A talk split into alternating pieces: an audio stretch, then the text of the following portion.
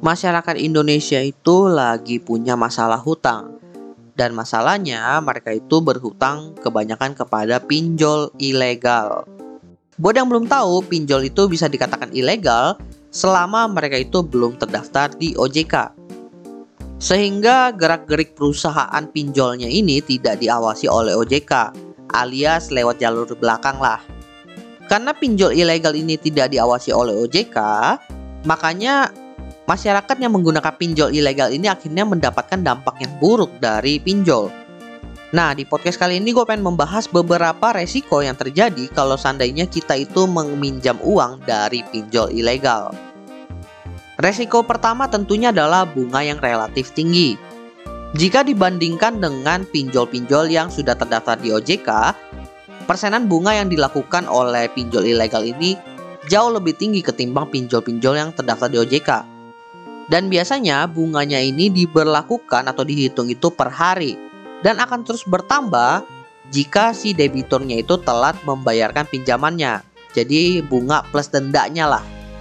Ini yang membuat orang-orang yang sudah terjerat pinjol ilegal itu kesulitan membayar pinjamannya karena bunga yang diterapkan itu terlalu besar. Yang membuat debiturnya itu ketika mereka membayar cicilannya itu kayak ngebayar bunganya aja. Bahkan gak jarang kita itu telat beberapa hari aja itu bunganya udah membengkak banget. Makanya ini berbahaya untuk para debitur. Kenapa bunganya itu bisa relatif tinggi ketimbang yang tidak terdaftar di OJK? Karena ya tidak diawasi oleh OJK. Sehingga pinjol ilegal ini sesuka hati ingin menerapkan besaran bunga sesuka hati mereka. Toh nggak ada teguran, nggak ada apa, yang penting mereka itu dapat duit. Bahaya yang kedua adalah tenor waktu pembayarannya itu singkat. Biasanya tenor atau waktu cicilannya itu dipersingkat oleh si pinjol ilegal itu dengan tujuan ya untuk memberatkan si debiturnya. Misalnya pinjaman 10 juta harus dibayarkan dalam waktu 30 hari. Nah, si debiturnya itu belum tentu punya kemampuan untuk membayarkan 10 juta dalam waktu 30 hari. Di mana kalau seandainya kita itu melakukan pinjaman di pinjol yang legal, tentunya udah ada semacam validasi dulu. Nih orang mampu nggak bayar 10 juta dalam waktu 30 hari. Intinya ada filter yang dilakukan, sedangkan di pinjol ilegal ini nggak ada. Mereka taunya lu pinjam, lu harus bayar dalam waktu 30 hari, kalau enggak lu harus kena denda dan juga harus bayar bunganya. Nah, hal-hal seperti ini yang membuat biasanya debitur itu akhirnya telat bayar, kemudian nggak mampu bayar karena bunganya itu udah terlalu membengkak.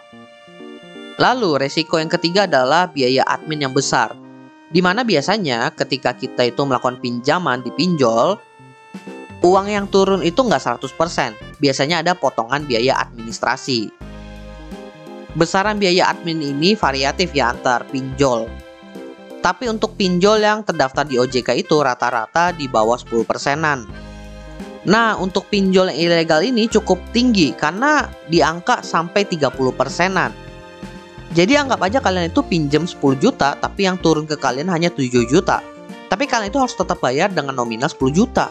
Nah, besaran persentase dari biaya admin ini nih yang merugikan dari sisi debitur pinjol ilegal. Kemudian resiko lainnya adalah informasi yang tidak transparan. Informasi yang tidak transparan ini terkait bunganya tadi, kemudian tenornya dan juga biaya adminnya itu tidak dijelaskan di awal kalian itu mengajukan pinjaman. Kalian itu baru tahu ketika pinjamannya itu turun. Sehingga nggak sedikit nih orang-orang yang ketika mereka itu mengajukan pinjaman kaget nih setelah duitnya turun. Udah dipotong, bunganya gede, kemudian tenornya itu singkat. Informasi yang kurang transparan inilah yang membuat orang-orang itu akhirnya terjerat hutang pinjol ilegal. Karena ya kalau mereka tahu biaya adminnya itu 30%, bunganya itu tinggi dan harus bayar dalam waktu sebulan, belum tentu ada yang mau ngambil. Jadi ya itu salah satu siasat dari pinjol ilegal ini agar mereka itu bisa mendapatkan debitur dan juga mendapatkan untung lah dari sana. Lalu resiko yang selanjutnya adalah ancaman debt collector.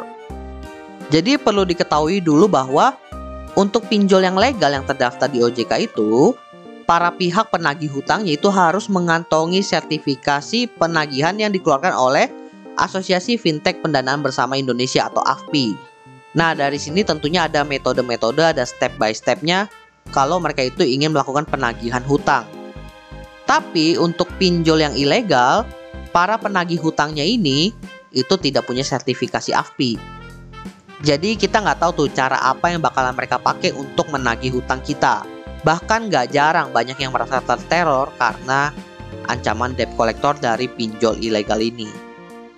Jadi ya gara-gara pinjol ilegal ini, hidupnya bukan jadi lebih baik, malah jadi dalam bahaya. Dan resiko terakhir adalah kita tidak mendapatkan perlindungan dari OJK. Kalau kita melakukan pinjaman dari pinjol yang terdaftar di OJK dan kalian merasa ada hal-hal yang janggal di sana atau melenceng dari aturan OJK, kalian itu bisa melaporkan kepada OJK. Dan yang gue tahu ya, fintech-fintech yang berada di naungan OJK itu benar-benar strict. Pada takut semua sama OJK. Jadi kalau mereka itu dilaporin benar-benar mereka itu bakal berusaha menyelesaikan masalah tersebut dengan si customernya.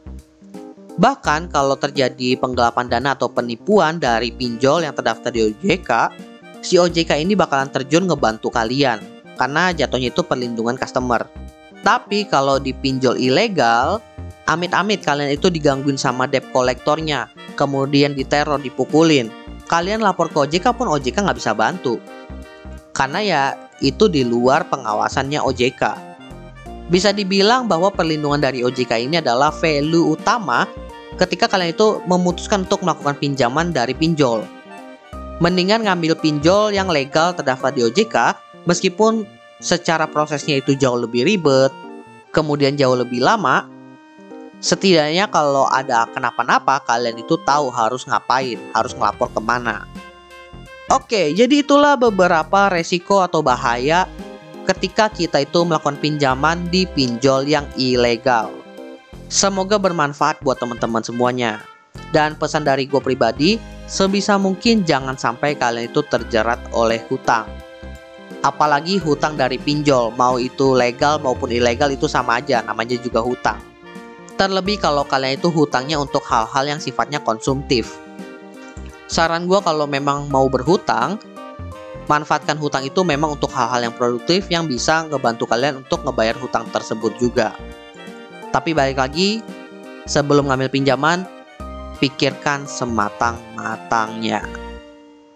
By the way teman-teman, jangan lupa follow Instagram dan juga akun TikTok Opsiana Podcast di @opsianamedia karena di sana akan ada konten-konten menarik dan juga yang bermanfaat buat teman-teman semuanya. Dan juga kalian akan mendapatkan update dari Opsiana Podcast kalau nantinya ada episode terbaru yang rilis. So, jangan sampai teman-teman ketinggalan sama update-nya. Dan terakhir, jangan lupa juga untuk follow atau subscribe Opsiana Podcast di platform kesayangan teman-teman dan nantikan konten-konten menarik dari Opsiana Podcast nantinya di sana. Oke, okay, gua rasa itu aja. Thank you buat teman-teman yang sudah mendengarkan. See you next time di episode Opsiana Podcast lainnya.